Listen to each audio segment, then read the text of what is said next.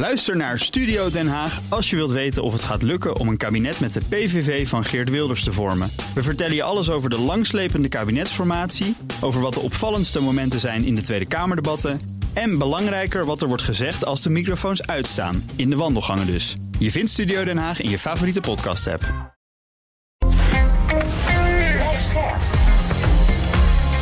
BNR Nieuwsradio. The Big Five. Diana Matroos. Migratie. Het is al jaren een heet hangijzer in de Nederlandse politiek en de samenleving. En niet alleen het kabinet viel erdoor, ook de verkiezingen draaiden erom. Maar is er wel genoeg oog voor het hele verhaal in de discussie rondom het migratiebeleid? Deze week ga ik in BNR's Big Five van het migratievraagstuk het dossier ontrafelen. Voorbij alle politieke praatjes. En dat doe ik samen met vijf invloedrijke experts. En vandaag is dat niemand minder dan onze eigen Leendert Beekman, onze politiek verslaggever hier op BNR die natuurlijk ook dat migratievraagstuk uh, volgt. Leuk dat je weer terug bent ook bij de Big ja, Dankjewel, Diana.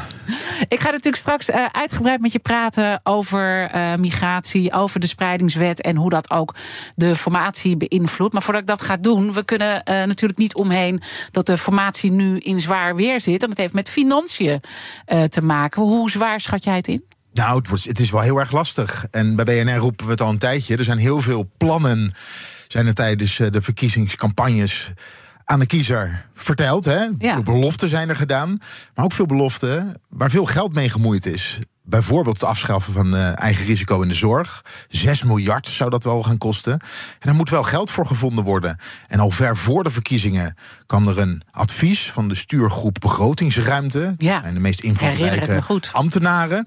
En ze zeiden: ja, er moet uh, linksom of rechtsom moeten er ombuigingen komen van 17 miljard in de volgende kabinetsperiode. Dus dan kan je bijvoorbeeld gaan bezuinigen. Mm -hmm. uh, maar je kan ook de lasten verzwaren voor burgers of voor bedrijven. En, maar dat wil volgens mij bijna niemand in de Tweede Kamer. Ik zeg bijna. Je kan het ook in het saldo laten lopen, dus de staatsschuld. Uh, ja, we zien in ieder geval uh, bij PVV en BBB dat het begrotingstekort enorm oploopt. Er zijn natuurlijk geen doorrekeningen, maar Wim Suiker heeft dat allemaal op eigen initiatief gedaan. Dus dan kan je toch een beetje dat vergelijken. Klaas Knot is natuurlijk ook geweest. Ja, Klaas Knot is, ja. bij, die is naar de formatietafel gegaan, samen met Pieter Hazekamp van het CPB en de SG van Financiën, de hoogste ambtenaar. En ik denk toch dat ze daar en dat, daar, daar hintte Klaas Knot afgelopen weekend de Buitenhof ook wel op... dat ze toch nog even erop gewezen hebben. Ja, we staan voor een grote opgave. Ja. Geld is niet meer gratis, hè, want dat werd een tijd gezegd. Toen de mm -hmm. rente nog 0% was. Je kan geld lenen en uh, dat kost eigenlijk niets. Dat kan nu allemaal niet meer. De rentelasten gaan ook oplopen. En er moet echt ja. wat gaan gebeuren. Maar dus... Leendert, um, wij hebben het hier op BNR continu ook in de Big Five... en alle programma's hebben het al gehad over die topambtenaren... die hebben gewaarschuwd. Is het nu serieus iets waar ze door verrast zijn? Dat Klaas Knot dat dan even komt helpen herinneren? Nee, aan de formatietafel kunnen ze daar ook echt niet verrast over zijn voor het kerstreces is er ook een debat geweest. Dat is de najaarsnota. Dan wordt er eigenlijk nog eventjes aan de lopende begroting wordt er geschaafd. En daar stond ook Ilko Heijnen van de VVD uh, de Kamer toe te spreken. En hij zei, ja, we leven in een fantasiewereld. Hij benadrukte ook, geld is niet meer gratis. We zullen ons aan de Europese begrotingsregels moeten gaan houden. Dus het, het uh, tekort op de begroting mag niet te ver oplopen. De staatsschuld mag niet te ver oplopen. En we zullen moeten gaan bezuinigen. En hij noemde daar ook de 17 miljard, noemde hij daarbij. Het is een hardliner, Ilko Heijnen. Hij was er al vroeg bij, Ja. die, eh, aan tafel. Want ze nemen dan de secondanten nemen ze mee. Dus Jesse Hoekes kwam al met Ilko Heijnen. Gingen bij ons wel allemaal de alarmbelletjes eh rinkelen. Ja. Van ja, Heijnen gaat mee. Er moet over financiën gesproken worden. Bij BBB, of bij ehm Nieuw Sociaal Contract, ging Eddy van Heijen mee. Ja. Het partijprogramma geschreven, maar ook het financiële eh, paragraaf Mhm. is die verantwoordelijk voor. Er wordt over financiën gesproken. Ja. En dan wordt het een lastige boodschap. Want op het moment dat je zegt van ja, we, hebben, we willen en. Want dat is eigenlijk wat er gedaan is. En we willen iets aan die bestaanszekerheid doen. Dus mensen moeten er wat geld bij krijgen in hun portemonnee. Moeten het minimumloon misschien wel gaan verhogen. De PVV wil de AOW-leeftijd omlaag doen. Kost eh Mhm. 2,5 miljard, geloof ik. Ze willen ook de AOW gekoppeld houden aan het minimumloon. Dus als het minimumloon laat stijgen, gaat ook de AOW, of de AOW-premie gaat omhoog. Kost allemaal geld. Dat moet ergens uit betaald Ja. worden. En maar maar toch, tegenover toch staan- begrijp ik niet helemaal eh, dat ze dan nu daar zo eh, ehm, het moeilijk mee hebben. Terwijl dit had je al die tijd al kunnen zien aankomen. Het was een ongeluk in wording eigenlijk. Ja, maar ik denk dat wij er vooral nu over praten. Ja. Nogmaals, al vrij vroeg werd er over financiën gesproken aan die Ja. formatietafel. Ik denk dat dit al een heel tijd vastzit. Nou gebeurde er afgelopen weekend bij het VVD-congres nog iets. Jezus zei, herhaalde eigenlijk wat hij eh, gezegd had. We kunnen, eh, we kunnen geen geld meer lenen, we zullen moeten bezuinigen. Mhm. Daar reageerde Wilders op, eh, op Twitter, waarop hij zei... mensen moeten er geld bij krijgen in hun portemonnee. Ehm, en als het allemaal niet lukt... en geen grote bezuinigingen als het niet lukt... Ja, ik hoop dat er geen nieuwe verkiezingen moeten gaan Ja, komen. was wel even een dreiging. eh. Dat was wel een dreigementje. Ja, en nou ja, we hebben gisteren ook alle-. En er was ook nog een telegraaf, Diana, die wil Ja. ik ook nog even noemen. Ja. Voor het weekend. Daar werd over geschreven over hoe het eraan toe ging. Toen Klaas Knot langskwam samen met Hazekamp en de SG van Financiën aan die formatietafel. Ja, en eh, om het even kort samen te vatten, daar werd gezegd: Caroline van der Plas heeft geen kaas gegeten van overheidsfinanciën. Eh, haar secondant en, ook Tweede Kamerlid eh, Henk Vermeer stelde alleen maar domme vragen. Dat de rest op een gegeven moment met grote ogen zat te kijken van... ja, wat is hier nou aan de hand? Hè? ja. Met wie zitten we eigenlijk aan tafel? Dus ik ben nu, nu, moet iedereen de realiteit ook onder ogen komen van de hele eh, eh, situatie. Ik wil nog wel even er- erbij zeggen, want ik ben Ja. het wel gaan nabellen. En toen Ja. hoorde ik ook wel, dit is ook wel roddel en achterklap. En dat zegt ook iets over die formatie. Mhm. Er wordt nu bewust, wordt er gelekt op, op- met negatieve informatie. En als je dat doet, het kan natuurlijk wel om de formatie een klein beetje... Hè, als je vast zit op financiën, een klein beetje vlot te trekken. Maar dan wil je ook graag ook iets positiefs vertellen. Hè? Maar over de rechtsstaat zijn we het er al, eh, zijn we het al uit. Maar we horen niets positiefs. We horen nu alleen maar negatieve Ja. signalen. En als je dan kijkt eh, naar migratie, waar we het dus ook eh, deze week eh, over hebben, zit daar ook nog een financiële component aan die een rol speelt nu in die formatie? Nou, bij, de P- bij PVV zeggen ze, op het moment dat we asiel gewoon beperken op nul zetten, gaat dat 20 miljard opleveren. Ja, dus op het moment dat, je, dat de PVV daar aan vasthoudt en zegt van, nou, we hebben die, financiële ruimte wel, want we gaan gewoon ervoor zorgen dat er geen asielzoekers meer binnenkomen, dan kost het ons ook geen geld en dan hebben we 20 miljard over. over het, overigens, over die 20 miljard, daar wordt nog wel over gediscussieerd of dat waar is. Ehm, maar als het op, op die manier het gesprek gevoerd wordt, dan is het heel lastig. Want dan gaan we zo meteen eventjes, dan gaan we zo uitgebreid verder op in. Ik heb een zinnetje opgeschreven die ik ergens las. Geen simpele oplossing voor het complexe probleem migratie. Dan even migratie breed. Dus je- we doen de grenzen dicht en dan stroomt de overheidskas vol met miljarden waar we al onze mooie plannen uit kunnen betalen. Daar gaan in ieder geval nieuw sociaal contract en de VVD zullen daar niet in meegaan. Nee, en sowieso hebben we ook nog Europa, dus daar komen we straks ook wel op. En dan Ja. moet dan ook betaald worden als je be- be- bijvoorbeeld bepaalde mensen niet hier wil opnemen.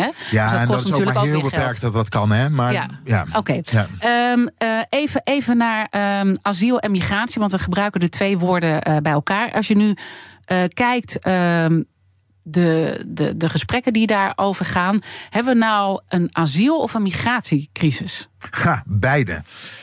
Maar het ligt eraan aan wie je het vraagt. Ja. Voor de PV is het natuurlijk duidelijk. Er is een asielcrisis en ook arbeidsmigratie willen ze beperken. Ze stellen bijvoorbeeld voor dat eh, EU-inwoners ver- vergunningplichtig moeten zijn om hier te komen werken. Nou, als je dan naar de VVD gaat, ja, zij willen de instroom van asielzoekers beperken. Ook van arbeidsmigratie. Geldt ook voor nieuw sociaal contract. Maar het grote, ja, het grote vraagstuk zit bij asiel, maar dan vinden ze elkaar wel. Maar daarnaast, wat gaan we nou doen met migratie? En dan is arbeidsmigratie wel een lastig dossier om het over te hebben. En dan wil ik vooral even kijken naar BBB. Want er wordt dan gesproken over arbeidsmigratie bijvoorbeeld in slachthuizen, hoor je dan vaak. Of in de kassen.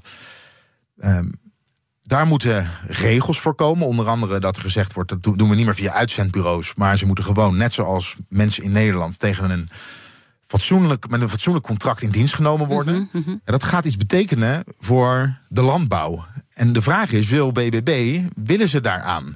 Want de achterban van de BBB heeft ook financieel, economisch belangen bij arbeidsmigratie. Dus ja, zo makkelijk als het lijkt, is het eigenlijk helemaal niet. Dus, dus eigenlijk als je het hele eh, palet bekijkt, zijn ze met asiel zullen ze erbij uitkomen. Maar dan zit het met name op die arbeidsmigratie waar het grote struikelblok zit. Nou, ja, het is, ja, op asiel, het is grip op asiel. En Ja. dan over, of grip op migratie. En op asiel zitten er wel echt eh, grote verschillen nog. Want de PVV wil de grenzen sluiten. Nou, ze zullen ook wel inzien dat als je je aan de internationale verdragen wil houden, uh, dat dat niet kan.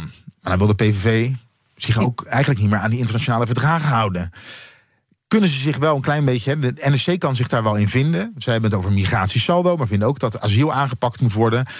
Een eerlijke verdeling over Europa, lukt dat niet, dan willen ze ook naar die Europese regels willen ze gaan kijken. En misschien wel opzeggen. Geldt ook voor BBB. VVD wil dat weer niet. Dus zo simpel als de discussie lijkt, heel Nederland heeft een rechtse koers gekozen. Of heel Nederland, twee derde van de Nederlanders, hè, 100 zetels in de Tweede Kamer. En ze komen er wel uit. Ja, zo simpel is het niet. Want migratie, asiel en migratie, het is echt een complex probleem. En het raakt de economie aan alle kanten. De Big Five. Diana Matroos. Mijn gast is politiek verslaggever van BNR, Leendert Beekman. Uh, je, je, hebt goed uh, beschreven waar die formatie nu uh, nou ja, aan het rammelen is. De vraag is, uh, nou ja, hoe, lo hoe, loopt dit allemaal af? Dat blijven we natuurlijk met jou volgen. Maar laten we toch ook even de VVD nu ja. eruit lichten. want die zijn natuurlijk heel beslissend geweest ook in die spreidingswet. Hè, uitgebreid ook al over gehad hier op de zender. Dat nou ja, in de Eerste Kamer koos de VVD toch een andere koers. maar die migratie zit ook heel diep bij de VVD verankerd eigenlijk als je teruggaat uh, in de tijd. Waarom is het zo'n belangrijk onderwerp voor de VVD? Nou, het begon eigenlijk al bij Bolkestein ja. hè, in de jaren negentig. Um, en in de jaren negentig, we, we, kwamen natuurlijk. In de jaren negentig is, een, uh, is een grote stroom asielzoekers naar Nederland gekomen, ook door de oorlog in, in Joegoslavië. En, en, toen is dus de vraag ook gaan spelen, later ook door Fortuin, van ja, hoe verhouden we ons daar nou toe? En de VVD, en zeker onder Bolkestein, zijn, hebben een koers ingezet uh, waarbij ze zeggen van ja, we moeten, we moeten iets met asielmigratie. En dat kwam ook omdat, en dat heeft Fortuin ook wel echt laten zien, maar ook, ook uh, Frits Bolkestein er leeft natuurlijk ook iets in de Nederlandse samenleving dat daar onvrede over ontstond. En in de jaren negentig, en jij kan je dat ook nog goed herinneren, Diana, zeker, want zeker. Uh, wij waren nog jong in de jaren negentig, ja, uh, zullen we maar zeggen. Toen wel, toen wel. Ja. leefden we in, um, in, een, in een land waar, mm -hmm. waarin we trots waren dat we eigenlijk een tolerante, open samenleving waren. En ook trots waren op de multiculturele samenleving. En rond Fortuin kwam er een enorme omslag kwam er in dat denken. Onder, ook, onder andere door, uh, door Scheffer, die schreef mm -hmm. toen uh, een essay. Het multiculturele drama, als ik het, uh, ja, ja. Als ik het, goed, zie, als ik het goed zeg. En daarmee werd het niet alleen uh, nog een rechtsthema. Nee, het werd niet alleen. Want hij was natuurlijk, kwam vanuit de Partij van de Arbeid. Ja. En de Partij van de Arbeid, ook onder Melkert, hè, uh, moest uiteindelijk toegeven. Wij hebben te lang niet onder ogen gezien dat we geen grip erop hebben. En dat er onvrede over is in de samenleving. Dus het werd een politiek thema. En Nederland eigenlijk dat, dat die, die Nederlandse identiteit, die ook verbonden was aan wij zijn zo'n tolerante, open samenleving. We waren daar trots op. Hè? En niet alleen doordat we um, vanuit verschillende culturen mensen opvingen in Nederland, maar bijvoorbeeld ook vanwege de homorechten in Nederland. Uh, mm -hmm. En, uh, en uh, opeens konden het homohuwelijk werd werd goedgekeurd. Maar abortuswetgeving, drugsbeleid. Wij waren, en daar waren we trots op. Het hoorde ook een beetje bij de nationale identiteit. Ja. Dat hebben we nu wel losgelaten. Uh, en sindsdien staat het op de politieke agenda. We kunnen ja. ook wel zeggen. maar waarom heeft de VVD dat? Uh, um, die, nou ja, die hadden het onder Bolkestein al, maar dat is denk ik ook gegroeid. Tegelijkertijd zie je ook de dubbelheid in de partij. Hoe, hoe verklaar je die worsteling daar? Ja, ik denk toch dat dat met de twee stromingen binnen de, binnen de VVD te maken ja. heeft. Je hebt de ja, ik wil het geen progressief-liberalen noemen, maar ja, de, de, je hebt echt een liberale tak van de VVD en je hebt de conservatievere tak van de VVD. Ja, en die conservatievere tak heeft toch wat minder op met uh, die multiculturele samenleving. En met mensen die vanuit een andere cultuur naar Nederland komen. Ja, ik moet het toch zo even formuleren. Ja, ja, ja, ja, ja. ja, ja. Nee, ik, ik, ik, kritiek op krijgen, maar uh, dat. Uh, en er spelen natuurlijk ook problemen rondom asiel en migratie in, uh, in Nederland. En die zijn misschien wel te lang gebagitaliseerd.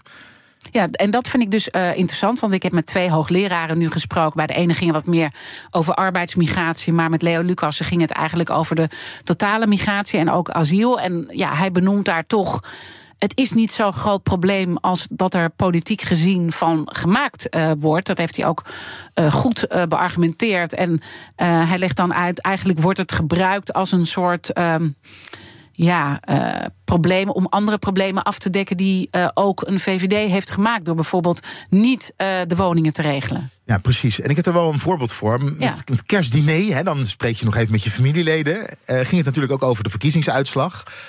En ik had het met een familielid over zijn stem op de PVV.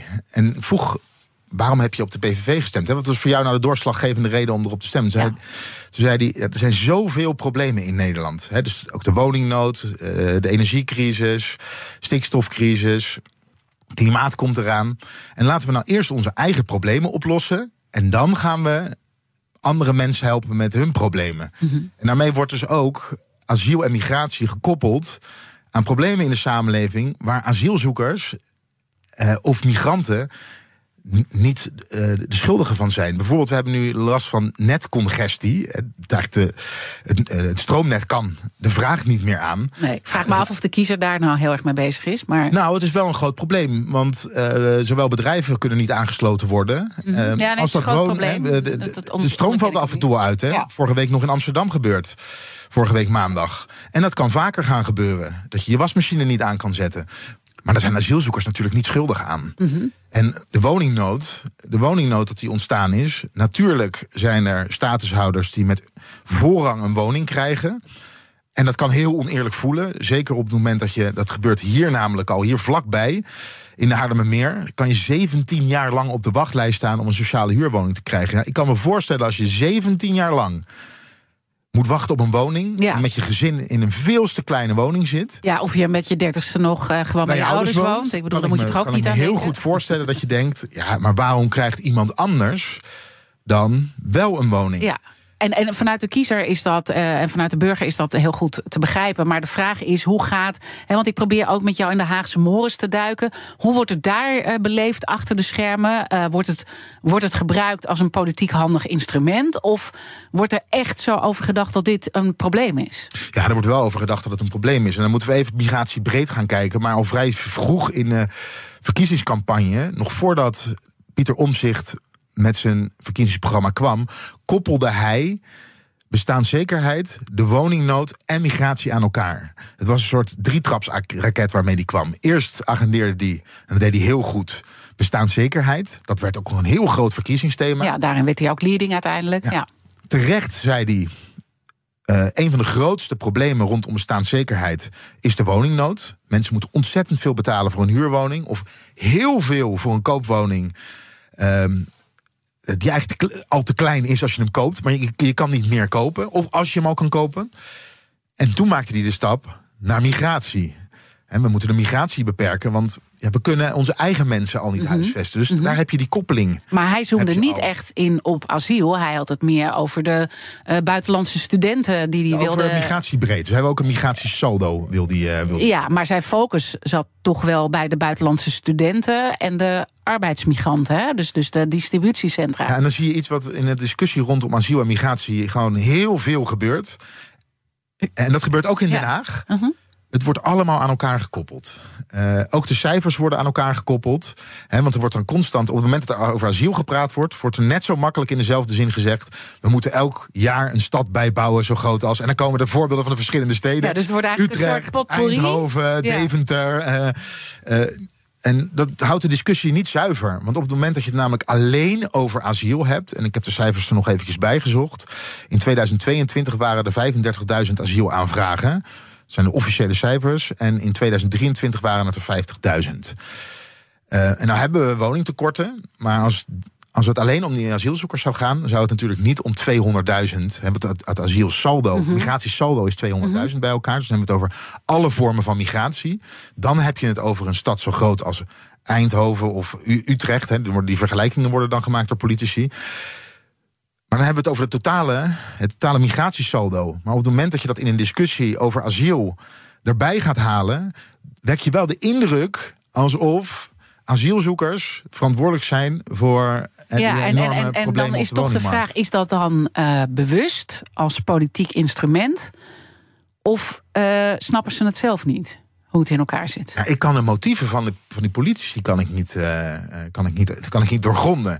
Kijk, op het moment dat ik denk. Dat, is toch. Met, jij ja, loopt al zo lang mee. Ja, nee, nee, nee. Maar op het moment dat ik denk dat Wilders serieus denkt dat asiel en migratie, op het moment dat het opgelost wordt, dat, uh, dat het echt een zo'n groot probleem is. Dat op het moment dat je asiel oplost, dat er heel veel problemen in de Nederlandse samenleving als sneeuw voor de zon zouden verdwijnen. Maar dan zal ik ook heel cynisch na te denken.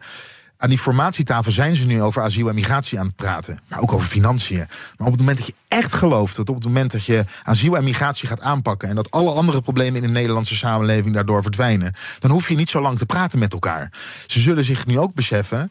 ja, er speelt meer. Ja. En daarvoor moeten we ook een oplossing vinden. Ja. We lossen het niet alleen op door over de instroom van asielzoekers te En misschien is het mooi om hier ook de kettingvraag bij te stellen. Want in de vorige aflevering sprak ik met Tesseltje de Lange. Zij is hoogleraar Europees migratierecht aan de Radboud Universiteit. En zij had deze vraag voor jou. Luister maar. Eigenlijk heb ik net een aantal dingen uh, opgenoemd. Hè, dus wat, wat veel meer uh, een lange termijn visie vraagt. Dat innoveren en investeren in, in technologie die een hele sector verandert. Uh, die samenwerking met landen in Europa, buiten Europa. Um, dat zijn geen dingen die je in vier jaar tijd gedaan hebt. He, stel dat we nu een, een, een, kabinet krijgen dat, dat vier jaar zit tot de volgende verkiezingen. Hoe kunnen we nou toch op de een of andere manier. Um, of hoe realistisch is het? Of wat is, he, wat, wat is je idee daarover? Om op een aantal van deze dossiers wel lange termijn beleid te ontwikkelen. Want als we het maar kijken naar vier jaar verder, dan redden we het niet. En dan, dan ja. zijn we over vier jaar uh, nog gedesillusioneerder dan nu. Ja, tweeledig antwoord. De eerste is. Nee, er wordt niet op lange, over lange termijn uh, oplossingen nagedacht. Want in eerste instantie is het band gaat toch. We moeten de instroom beperken. Uh, om de problemen in Nederland uh, aan te kunnen. En aan de andere kant beseft partijen zich echt wel. dat je bijvoorbeeld als je het over die energietransitie hebt. Dat je geen hapsnap korte termijn beleid daarop kan gaan voeren. En dat ook arbeidsmigranten nodig zullen zijn. Uh, maar niet alleen voor de energietransitie. Dat zal bijvoorbeeld ook bij ASML zal het nodig zijn. Hè, bij onze kennis-economie. Uh, is ontzettend belangrijk. Zeker een bedrijf als uh, ASML. Is ook een soort paradepaardje voor Nederland. En ze zullen zich beseffen dat er een lange termijn strategie voor nodig is. Ook omdat er partijen zijn, neem de VVD.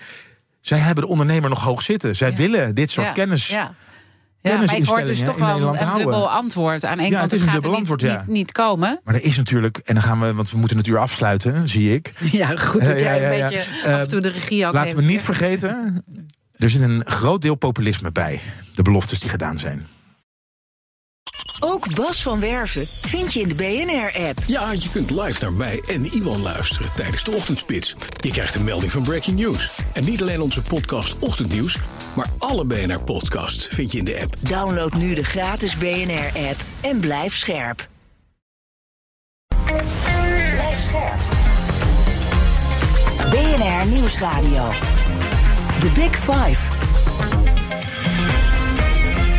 Diana Matroos. Welkom bij tweede halfuur. Deze week praat ik met vijf experts over het migratievraagstuk.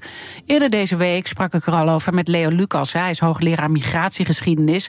En hij doorbrak meerdere mythen rond dit onderwerp. Luister het allemaal terug via onze BNR-app. Mijn gast vandaag is Leonard Beekman, onze eigen politiek verslaggever hier op BNR. Die natuurlijk ook dat migratievraagstuk goed volgt. En het komend half uur wil ik in ieder geval nog twee onderwerpen met je bespreken.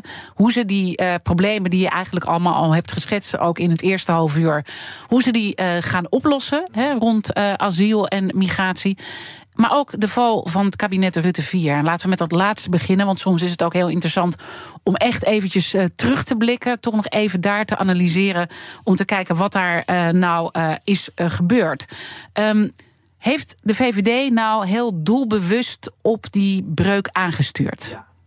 Ja. Ja, eigenlijk, ja, eigenlijk ja. is het heel simpel, het antwoord ja. En dat heeft maanden geduurd. En dan moeten we even terug naar het VVD-congres van november 2022. Er was onrust binnen de VVD ontstaan over de spreidingswet. Uh, de VVD wilde de spreidingswet eigenlijk niet. Rutte moest ook nog naar de fractie om de fractie ervan te overtuigen. En um, om steun te krijgen voor de verspreidingswet beloofde premier Rutte de instroom te beperken. Dus Rutte zat met een heel groot vraagstuk. Want ja, we hadden we het eerder over. Ja. We hebben het al twintig jaar over uh, grip op migratie krijgen. Ja. En uh, vanaf dat moment is er een groepje vanuit het kabinet gaan praten. En daar zat Jesse bij, daar zat Erik van den Burg bij. Daar zat Hugo de Jonge, zat, daarbij, zat er onder andere bij. Ehm, zij zijn gaan praten over hoe gaan we nou grip krijgen op migratie. En in eerste instantie op asiel. Maar ze kregen al snel door, ja, als we het over asiel hebben en we willen grip op migratie krijgen, dan moeten we het veel breder trekken. Dan moeten we het ook over arbeidsmigratie, dan moeten we het hebben over studiemigratie, de liefdesmigratie, dan moeten we het hele pakket pakken. En toen zijn ze op verschillende tafels, zoals ze dat te noemen, met verschillende clubjes, zijn ze daarover gaan praten. En is er een migratiebrief gekomen. En elke keer als ze bij elkaar kwamen, die, die brief werd dan uitgetikt door ambtenaren. Dan werd er besproken van, nou, het staat nu op papier, zijn we tevreden? Uh, wat, moet er nog, hè, wat is nog controversieel? Wat moeten we nog aanpassen? En elke keer als die brief terugkwam, dat heb ik gehoord vanuit de andere onderhandelende partijen, dus ChristenUnie, D66 en CDA, dan waren de afspraken die gemaakt waren over asiel, of over uh, arbeidsmigratie bijvoorbeeld, over liefdesmigratie, die waren verwerkt. Maar op asielmigratie zat het vast. En het kwam elke keer terug vanuit het ministerie van Justitie en Veiligheid. Nou, en wie is daar de baas? Dylan Jezoekus, ja. leidde ook de gesprekken. Ja. En Erik van den Burg is daar staatssecretaris. En de inbrengen kwamen maar niet terug. En er ontstond ook bij de andere partijen frictie over. Mhm. Op een gegeven moment ging het dus kwam het heikele punt kwam op tafel, de nareis. En toen is Mirjam Bikker met Rutte gaan praten. En die heeft gezegd: Beste premier Rutte, we willen best concessies doen maar niet op nareis. Families moeten bij elkaar blijven. En als ChristenUnie kunnen wij daar niet mee instemmen. En dan moet je ook nog eventjes naar de asieldeal van zomer 2022 gaan. Toen waren er mhm. afspraken gemaakt. En één daarvan was dat nareis uh, vertraagd zou worden met een half jaar. Nou, dat heeft met veel pijn en moeite. En later ook met, ontstond er heel veel commotie over binnen de ChristenUnie. Heeft, Christ, heeft de ChristenUnie daarmee ingestemd. En dat is later door de rechter, door de Raad van State, is het teruggefloten. Mhm. uh, maar Rutte en Jezielgus hebben vastgehouden aan. Wij willen wat doen aan. Uh, aan het terugbrengen van uh, die asielinstroom. Ja, en uiteindelijk kwamen ze erachter bij de VVD met de, de middenpartijen. Kunnen we het strenge asielbeleid zoals wij dat voorstaan... Ja. kunnen we niet tot een compromis kunnen we komen. Mm Toen hebben ze het laten klappen op gezinshereniging. Oké, maar we hebben, hadden natuurlijk heel veel andere grote problemen. Dus het is best wel een zwaarwegend... Uh, uh... Ja, maar het kabinet, het ging al niet meer lekker. Nee. Een week later zou er over stikstof gepraat gaan worden. Mm -hmm. En daar had de, waarschijnlijk het CDA de boel laten klappen. Uh, dus het kon misgaan op. Uh, want dat was lang. Maar was het ook, was, was, ook, was ook het gevoel van. Uh, we zien dat die kiezer hierop aangaat. En dit is misschien wel een heel goed moment om dit moment te pakken. En, en dan uiteindelijk die verkiezingen. Ja. En dan kan je in de verkiezingen kan je het, het belangrijkste verkiezingsticket. Het kabinet is erop gevallen. Belangrijkste verkiezingsthema. Alleen, er is één iemand, en daar hoeven we niet te lang over te praten, want die analyses hebben we allemaal uitgebreid gelezen. Er is één iemand die dossier-owner is als het gaat over asiel. En dat is Geert Wilders. Ja. En dat hebben ze onderschat. Op het moment dat dus misschien hebben ze ook wel een beetje spijt dat ze het zo hebben aangestuurd als ze nu het zo moeilijk hebben. En ze konden niet anders. Op het moment dat je het kabinet laat vallen met middenpartijen op asiel. En je zegt, nou met die middenpartijen komen we er niet uit. Dan kan je nog maar één kant op kijken en dat is naar rechts. Dus naar Geert Wilders. Dus het kan een misrekening geweest zijn, maar ze hebben het bewust gedaan. En ze hebben ook bewust de deur opengezet voor Wilders. Ze hebben alleen niet gezien dat Wilders daadwerkelijk bij far de grootste partij van Nederland zou gaan worden op het moment dat asiel en migratie het belangrijkste thema tijdens de verkiezingen is. Ja. Dat is echt een misrekening geweest. Ja. Maar het kabinet heeft de VVD doelbewust laten vallen. Daar hebben ze op aangestuurd. En als je dan nu uh, kijkt, we hebben in ieder geval die spreidingswet. En dan zie je dus ook, daar hadden we het net ook over. En hebben we het veel ook over dus op de zender over gehad. Die dubbelheid weer in de VVD die dan uh, naar voren komt. Uh, je bent ook bij het congres geweest afgelopen weekend. Ja, ik heb nog even met Erik van den Burg staan praten. Ah. En terwijl dat ik met hem stond te praten, werd hij aan alle kanten gefeliciteerd door VVD'ers.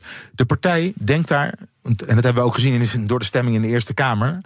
De partij denkt daar echt heel verschillend over. Is dat nodig? En bij zo'n partijcongres zijn ook veel lokale bestuurders, raadsleden. die ook om de spreidingswet gevraagd hebben.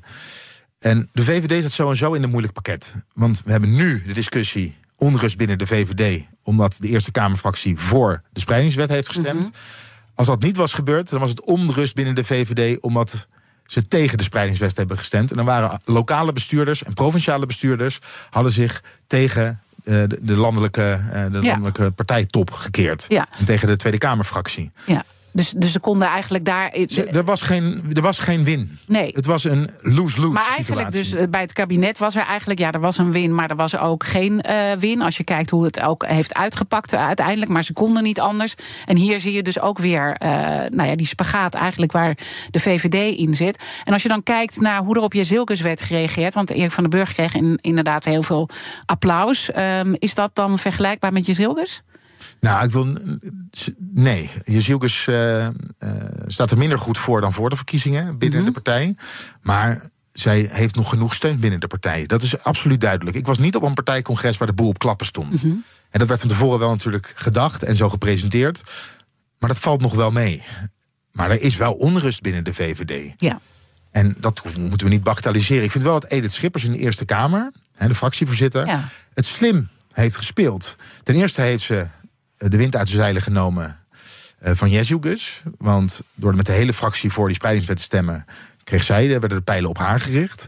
En ten tweede heeft ze ook gezegd, en dat vond ik echt wel een slimme move. En we hebben zoveel vertrouwen in de onderhandelende partijen nu, dat ze de instroom gaan beperken dat we voor de spreidingswet kunnen zijn. Terwijl de VVD had gezegd, het eerst de instroom beperken, dan de spreidingswet. Ja. Zij zegt, ja, als deze partijen er niet uitkomen... en dat zegt Erik van den Burg ook, over het zielsinstroom beperken... ja, wie komt er dan uit? En die spreidingswet wordt elke keer gekoppeld aan instroom. Dat doet de VVD zelf.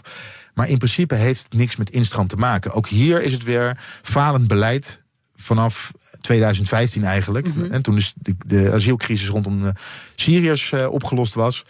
Ehm, zijn er eh, asielzoekerscentra gesloten. Nou, we kennen het hele verhaal. En er is in de opvangketen eh, stagneert het. En daardoor zit er Apel vol. Ja. En eh, zolang dat een Ja, dat is, gewoon een, dat is gewoon een politieke keuze geweest. dat is een politieke keuze geweest. Ja. En op het moment dat, dat, je en het dat instroom draait dus toch om, om, ook eh, die, die VVD, of in ieder geval een deel van de VVD te snappen. Dat draait dus toch om cultuur en identiteit. En dat is ook wat we natuurlijk bij de PVV zien en, en bij de kiezer dat er zo over gedacht wordt. Eh, hoe bedoel je dat, Diana? Dat, dat zij het als probleem zien, asiel. Ja. ja. Hoe, Of vind je dat ik dan. eh, ja, eh, het is. eh, ja, ik denk, ik, ik, ik- als je helemaal teruggaat naar de kern, denk ik dat het er wel mee te maken heeft. Ja. Dat het toch een klein beetje xenofobie is. Ja. En vind je het lastig om dit te zeggen? Nou, omdat je er veel kritiek op krijgt. En omdat je ook iets invult voor heel veel mensen. Terwijl het niet iedereen daar hetzelfde over, eh, over denkt. Mhm. Net zoals waar we het net al over hadden. Als je geen woning kan krijgen, kan ik me goed voorstellen. Nou dat ja, je jouw eigen eh, familielid natuurlijk, waar je mee van, gesproken eh, hebt. Ja. Dus voor niet, niet voor iedereen is het xenofobie. Maar het, ja, in, het zit er natuurlijk wel in. Ja. En dat zit ook in dat populisme. Er is een hele populistische vlak binnen de VVD. Of ze het nou leuk vinden of niet. Eh, en je hebt ook gezien dat een groot deel daarvan, en van die achterban, overgestapt is naar een populistische partij, naar de PVV. En dat moeten ze zelf weten. Maar dat is, iets- dat is iets wat Dus ik in ieder geval. Ja. feitelijk wat, er, wat er gebeurt. Ja. En als je dan eh, kijkt naar die eh, spreidingswet, die is er nu dan helemaal doorheen. Maar zou je, als je kijkt dat deze formerende partijen er toch uit zouden komen, wetende hoe ze daarover denken, want dat heb jij eh, goed geschetst, zou het dan ook nog zomaar kunnen zijn dat die spreidingswet alsnog van tafel gaat? Dat zou kunnen, maar ze zitten in een heel moeilijk, in een heel moeilijk pakket. Want die spreidingswet is nu een feit. Mhm. Je zou hem kunnen negeren. Je zou het een dode letter kunnen laten en hem niet uitvoeren. Zeker dat dwangelement niet. Maar wat gebeurt er nou in de praktijk zometeen? Op het moment dat Erik van den Burg met asielzoekers zit die geen eh, woning hebben of eh, geen plek hebben, dan gaat hij bellen naar gemeenten. Maar sommige gemeenten, zeker in Groningen, Drenthe, die hebben evenredig al zoveel meer gedaan dan andere gemeenten. Er zijn gemeenten die hebben nog nooit een asielzoeker opgevangen. Dat hebben ze gedaan. Nou ja, om- het Westland bijvoorbeeld. Het Westland eh, die bijvoorbeeld. ook nu ook aangeven, joh, we gaan het gewoon niet doen. Ja, Ja. maar dat hebben zij gedaan. Onder het mom van er is een crisis en wij willen. Eh, we kunnen mensen niet op straat laten slapen.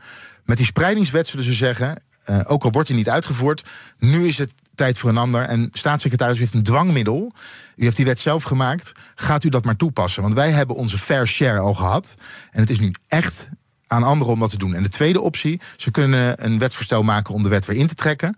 Maar dat moet weer langs de Tweede en de Eerste Kamer. En we hebben in de Eerste Kamer al gezien. Ja, daar liggen de verhoudingen toch net anders.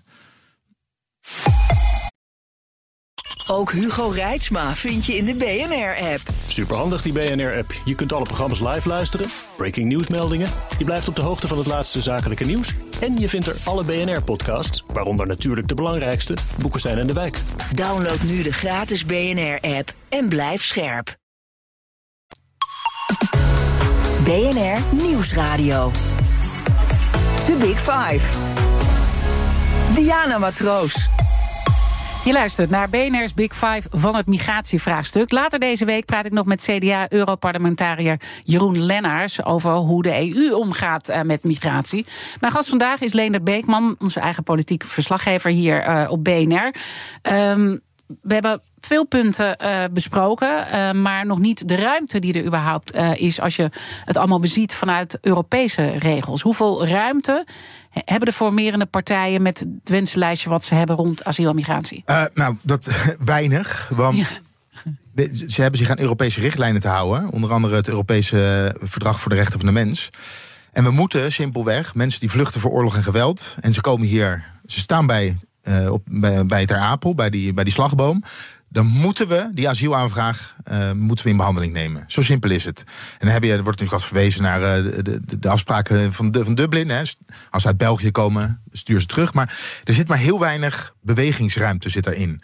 En het enige wat je kan doen is. Hè, je hebt ook nog het VN-verdrag voor de, voor de vluchteling. Mm -hmm is die verdragen opzeggen. Maar dan zou je ook uit de EU moeten stappen. Nou, dat is natuurlijk wel iets wat Wilders wil. Hè? Daar heeft hij ook uh, Ja, wil in ieder geval die, uh, die verdragen opzeggen. En ook NSC wil daar wel naar kijken. Als het echt niets mogelijk is. Maar NSC spreekt bijvoorbeeld ook over een opt-out. En dat horen we dan elke keer. En dat begrijp ik eigenlijk niet zo goed. Want er zitten best slimme mensen bij nieuw sociaal contract. En Caspar Veldkamp, die daar nu verantwoordelijk voor is... is oud-ambassadeur notabene.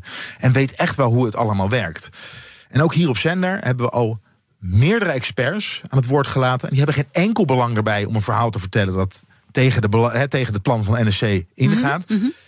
Een opt-out, want er wordt er altijd naar Denemarken verwezen. Denemarken heeft een opt-out. Dat is bedongen toen zij een, uh, een toetreding hadden tot de, de Europese Unie in, in begin jaren negentig. Uh, wij zitten er nu al in. En een opt-out kan je eigenlijk alleen maar bij een verdragswijziging, als ik het goed zeg, kan je dat, uh, kan je dat ter tafel brengen. Dus bijvoorbeeld als er een, nieuwe, een nieuw land lid wordt van de Europese Unie. En daar moet iedereen het dan mee eens zijn. Maar het idee dat de rest van Europa tegen Nederland gaat zeggen: Nou, wij gaan met z'n allen asielzoekers opvangen, maar jullie hoeven het niet meer. Ja, dat is, dat is surrealistisch. Mm -hmm. Dat gaat niet gebeuren, want dan gaat namelijk Spanje, Italië en Griekenland gaan ook zeggen: Nou, dan gaan, dan gaan wij gaan er ook mee stoppen. Niet, uh, ja, ja want zij hebben nog veel grotere problemen dan dat wij hebben. Ja. Dus het is een oplossing uh, die theoretisch op papier zou kunnen, maar helemaal niet realistisch is. Nee, en, en nou ja, nogmaals, wilde zal zeggen, dan gaan we toch uit uh, die EU, hè? Dat, uh, dat, dat, kan je doen. Maar dat zal de rest niet mee. Dat zal de rest niet doen. En dan wordt er bijvoorbeeld door BBB gezegd: er is nu een nieuwe asiel- en migratiepact is er pact tussen gesloten. Daarin zit ook een spreidingselement. Wat ik altijd heel wonderlijk heb gevonden, is dat partijen als de VVD in, op nationaal gebied tegen spreiding zijn. Maar als er Europese spreiding mogelijk is en het komt goed uit voor Nederland, vinden ze dat we wel binnen Europa vluchtelingen moeten spreiden. Uh, dat is heel tegenstrijdig in mijn ogen. Mm -hmm. uh, maar daar zit ook een element in dat op het moment dat je het niet aan kan, kan je vluchtelingen afkopen voor 15.000 euro, geloof ik. Uh, en dan kan een land die ze wel wil opnemen, omdat ze gewoon geld nodig hebben, krijgen dat geld dan. Ja. Maar dat gaat, je kan niet 100.000. Die zijn er niet eens trouwens. Dus laten we gewoon reëel. Uh, die 50.000 uh, asielzoekers die we vorig jaar gehad hebben, kan je niet allemaal afkopen. Het gaat om een paar honderd tot misschien ja, duizend asielzoekers. Maar, maar zeg je hiermee eigenlijk dat uh, de kiezers aan de rechterkant eigenlijk heel erg teleurgesteld gaan worden? Of zit er toch een mogelijkheid om die kiezer van VVD, PVV en ook NSC, BBB toch tevreden te stellen? Als je een asielstop wil en significant de instroom wil beperken, want er zullen ze ook illegaal zullen mensen binnen blijven komen, hè, ook al doe je de grenzen dicht, dan zou je zulke radicale besluiten moeten nemen, onder andere uit de EU stappen, uh, het vluchtelingenverdrag van de VN opzeggen. Mm -hmm. uh, dat is niet realistisch en het zou ook voor Nederland heel slecht uitpakken. Want er wordt wel eens gezegd, als Nederland uit de Europese Unie stapt, omdat we een doorvoer- en handelsland zijn, uh, kost dat een jaarsalaris uh, op jaarbasis, of een, een maandsalaris op jaarbasis voor elke Nederlander. Ja. Zoveel, zoveel gaan we erop achteruit. Het zou een heel onverstandig besluit zijn, volgens economen. Mm -hmm. Daarbij ben je er niet zomaar uit. Dus op korte termijn heb je het probleem niet opgelost. We zien het in Engeland. Hè? De, uh, de migratie, de migratie nam alleen maar toe na de brexit, in plaats van dat het afgenomen is. Uh, er zijn ook partijen die natuurlijk roepen: laten we buiten de EU vluchtelingenkampen neerzetten. Ook dat is allemaal niet zo makkelijk als dat het lijkt. Ja, in mijn ogen is het een soort fata morgana. We zullen, er is geen makkelijke oplossing voor zowel asiel als migratie. En we zullen, eh, en migratie is er altijd Ja. geweest, we zullen toch met elkaar tot een werkbare oplossing moeten komen. Ja. En daarbij zeg ik niet, zet de grenzen maar open. En want dat, als je dit vertelt, wordt er vaak gezegd, ja, maar en ook tegen linkse politici wordt het vaak gezegd. Sommigen willen dat ook. Maar jullie willen gewoon iedereen maar binnenlaten en de grenzen openzetten. En we kunnen het niet aan. Nee, natuurlijk niet. Ja. Maar je moet wel kijken naar afspraken die we met elkaar op, in, op Europees verband gemaakt hebben. Eh, een teleurgestelde kiezer dus eh, mogelijk. Eh, toch eh, probeer ik dan, ehm, hoewel dat moeilijk is, in het hoofd van Wilders nu te kruipen. Want ja, de- ook lobbyisten hebben het moeilijk om met hem in contact te komen. hè. Dus we weten eigenlijk nou ja, helemaal niet zo goed. Maar hij vertelt al jaren hetzelfde verhaal. Ja, Ja. oké. maar goed, bepaalde punten gaan dan in één keer in de ijskast die je ook niet helemaal begrijpt. Ho- hoe, hoe groot is zijn probleem nu, denk je? In die, in die formatie, wetende al die complexiteit die hij heeft geschetst, ook de arbeidsmigratie, Ja. waarvan de topman van ASML heeft gezegd: eh, dit is gewoon echt onverstandig. Eh, wij gaan dan onze groei elders zoeken. Dus dat, dat bij die arbeidsmigratie zit daar ook een heel belangrijke component. Hoe gaat hij dat oplossen? Ik, heb het, ik heb het vermoeden op het moment, als we naar de, de formatie als geheel kijken, Ja. op het moment dat hij met een, eh, een nieuw kabinet met een migratieagenda komen, waarin migratie breed gekeken wordt. En er komt een, eh, zoals NSC dat wil, een migratiesaldo van 50.000 mensen. Dus dan pak je alles mee, arbeidsmigratie. Dat de PVV daar wel mee kan leven. Dat ze dat kunnen uitleggen aan hun achterban. Alleen dan hebben we nog het component financiën. Ze hebben ook heel veel beloften gedaan op, eh, eh, op bestaanszekerheid. Onder andere dus het afschaffen van het eigen risico in de zorg. De AOW-leeftijd. Nou, ik heb een paar dingetjes genoemd. Het, verlagen van, van huren. Daar is geen geld voor. En dan kan je, ze hebben al alles rondom de islam in de ijskast gezet. Dan blijft er dus niets meer over van het verkiezingsprogramma van de PVV. Dus de PVV zou sociaal-economisch voor de portemonnee van de mensen. Zullen ze er wat uit moeten halen? Want anders stappen ze uit die, die, Ja. eh, die onderhandelingen. Dus, eh, En je zag BTW natuurlijk gisteren zag je hele bedrukte gezichten hè, toen ze uit, uit, uit gesprekken kwamen. Ehm, ja, dat was niet heel hoopvol wat je eigenlijk aan de leiders zag. Nee, maar kijk dan even vooral naar de PVV. Ze kunnen niet naar buiten komen. En we hebben toegegeven. We hebben eh, alles rondom islam in de ijskast gezet. We hebben toegegeven op eh, asiel en migratie. Want we moeten nou eenmaal een compromis sluiten. En we gaan keihard bezuinigen op de grootste ministeries. Dus bij zorg en bij sociale zekerheid. En werkgelegenheid. Ja, daar kunnen ze niet mee naar buiten komen. Dus er moet ergens, moeten ze een grote Dus daar, overwinning dus daar wordt in ieder geval de pijn gevoeld. Maar wordt er bij de andere partijen ook eh, pijn gevoeld? Of komt het ze misschien wel goed uit dat het zo loopt? Nou ja, ik heb wel eens gedacht bij eh, de VVD en ook bij Nieuw Sociaal Contract. De rechts, ze zeggen dan de rechterkiezer heeft gesproken en die willen dat we grip krijgen op migratie. Daar kan je het niet op laten klappen. Maar het lekker op financiën, eh, om daar niet uit te komen met elkaar. Dat zou wel een mooie uitweg zou dat kunnen zijn. En dan kan de PVV zeggen, ja, ze willen niet met onze plannetjes mee. En dan kan de VVD en kunnen NSC met een goed gezicht van die formatietafel eh, weg, eh, weggaan. En je moet niet vergeten, dan hebben we niet gelijk nieuwe verkiezingen. Hè? Dan is het de beurt aan de Club van Timmermans, GroenLinks Partij van de Arbeid, om met partijen aan tafel te gaan zitten om te kijken of ze tot een kabinet kunnen komen. Dat gaat ook niet lukken, want de VVD wil absoluut niet met Timmermans. En dan zou je toch aan de VVD en NSC moeten denken om het te doen. En daarna kan je weer terug naar Wilders. En dan kan je nog kijken of je er nog een keertje uit kan komen. En dan pas ben je bij verkiezingen. Ja, dus het gaat allemaal nog heel lang duren als ik jou Ja. eh, zo hoor, in ieder geval. Ehm, nou hebben we nog wel een, een belangrijke taak te verrichten. En dat is ook de kettingvraag weer eh, door te pasen aan mijn gast van morgen. En dat is de voorzitter van VNO-NCW, Ingrid Thijssen. Wat zou je haar willen vragen? Ja, we hebben niet zoveel over arbeidsmigratie gehad. Maar Nee. als je arbeidsmigratie wil beperken, moet je dan afscheid nemen van een aantal sectoren in Nederland. Denk bijvoorbeeld aan de glastuinbouw, eh, aan slachthuizen, aan distributiecentra. Moet je daar afscheid van nemen? Een mooie vraag, die ga ik zeker aan haar stellen. Maar laten wij de laatste minuten nog gebruiken om daar. Want je hebt wel een paar dingen over arbeidsmigratie eh, wel al benoemd. Maar wat is nog belangrijk om nu nog te benoemen? Nou, bij arbeidsmigratie, ik denk dat daar, omdat er echt ook misstanden zijn, en daar heb je gisteren onder andere al over gesproken, eh, daar valt nog wel een hoop te winnen. Op het moment dat je ervoor zorgt dat mensen die hier komen werken niet gedetacheerd worden via uitzendbureaus onder slechte omstandigheden, maar gewoon in loondienst genomen worden door het bedrijf eh, dat arbeidskrachten nodig heeft. En net zoals alle andere collega's op de werkvloer netjes betaald worden eh, en ook goede huisvesting eh, krijgen dan wordt het veel minder aantrekkelijk om in Nederland te gaan werken. Zou ook wat met de economie doen, hè? Ehm, want dan zijn die handjes er niet meer te krijgen. Maar daar valt wel wat te winnen. Ja. En rondom kennismigratie kan je ook kijken welke mensen hebben wij nou wel en niet nodig in, eh, in, de Nederlandse samenleving.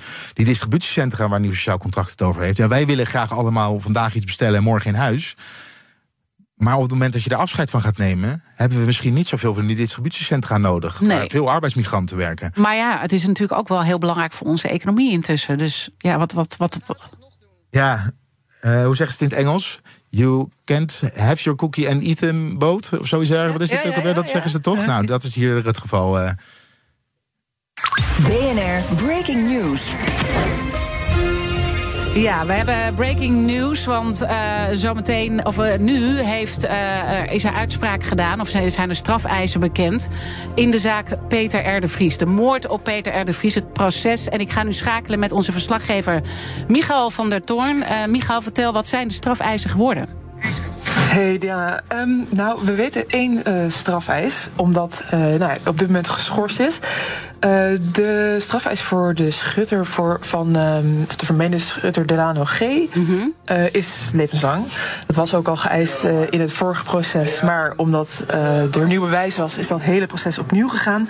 En van Oh, we hebben even een verbindingsprobleempje. dus ze heeft eh, net gezegd, Michael, maar ik weet niet of we nog een keer contact met haar eh, kunnen krijgen. Dat het in ieder geval om één eh, verdachte gaat. En ik geloof dat we haar weer hebben. Eh Michael, even, je bent weer eh, terug. Eh, je zei net dat het om één verdachte eh, ging. Eh, het Openbaar Ministerie is natuurlijk ook anderhalf uur aan het woord geweest. Was er verder nog iets wat je opviel naast die strafeis van levenslang, die eigenlijk ook wel verwacht werd? Ja, ehm, er eigenlijk wordt heel expliciet de link gemaakt eh, met eh, de eerdere moorden. eh, de broer van kroongetuige Nabil B. in het Marengo-proces. En ook zijn advocaat Dirk Wiersum. En dus moet die straf dus bij de derde moord zeker hoger zijn, is dus de redenering van het OM.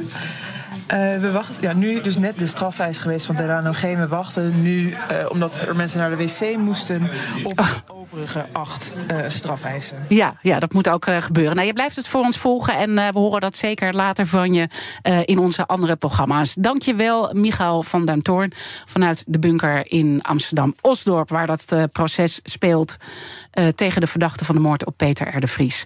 Ehm, we hebben heel veel benoemd. Ehm, ik praat nog steeds met Leender Ja. Beekman. Maar één afrondende opmerking eh, misschien om... eh, we hebben al veel eh, zaken gesproken. Wat, wat moeten wij ons echt beseffen als luisteraar? dat het geen makkelijk probleem is om op te lossen. Migratie en asiel. Het hele migratievraagstuk is zo ingewikkeld en raakt zoveel. Zowel in onze economie, ook, maar ook in onze eigen levens. dat je niet dat probleem in één keer opgelost hebt. Dankjewel. We praten er natuurlijk eh, uitgebreid met je over verder in volgende uitzendingen. Alle afleveringen van de Big Five zijn natuurlijk zoals altijd terug te luisteren. Abonneer je op onze podcast via onze app of je favoriete podcastkanaal. Maar blijf zeker live nu. Zometeen BNR Zaken doen met Thomas van Zijl. Ik wens je een mooie dag en tot morgen. Ook Hugo Reitsma vind je in de BNR-app. Superhandig die BNR-app. Je kunt alle programma's live luisteren, breaking nieuwsmeldingen. Je blijft op de hoogte van het laatste zakelijke nieuws. En je vindt er alle BNR-podcasts, waaronder natuurlijk de belangrijkste, Boeken zijn in de wijk. Download nu de gratis BNR-app en blijf scherp.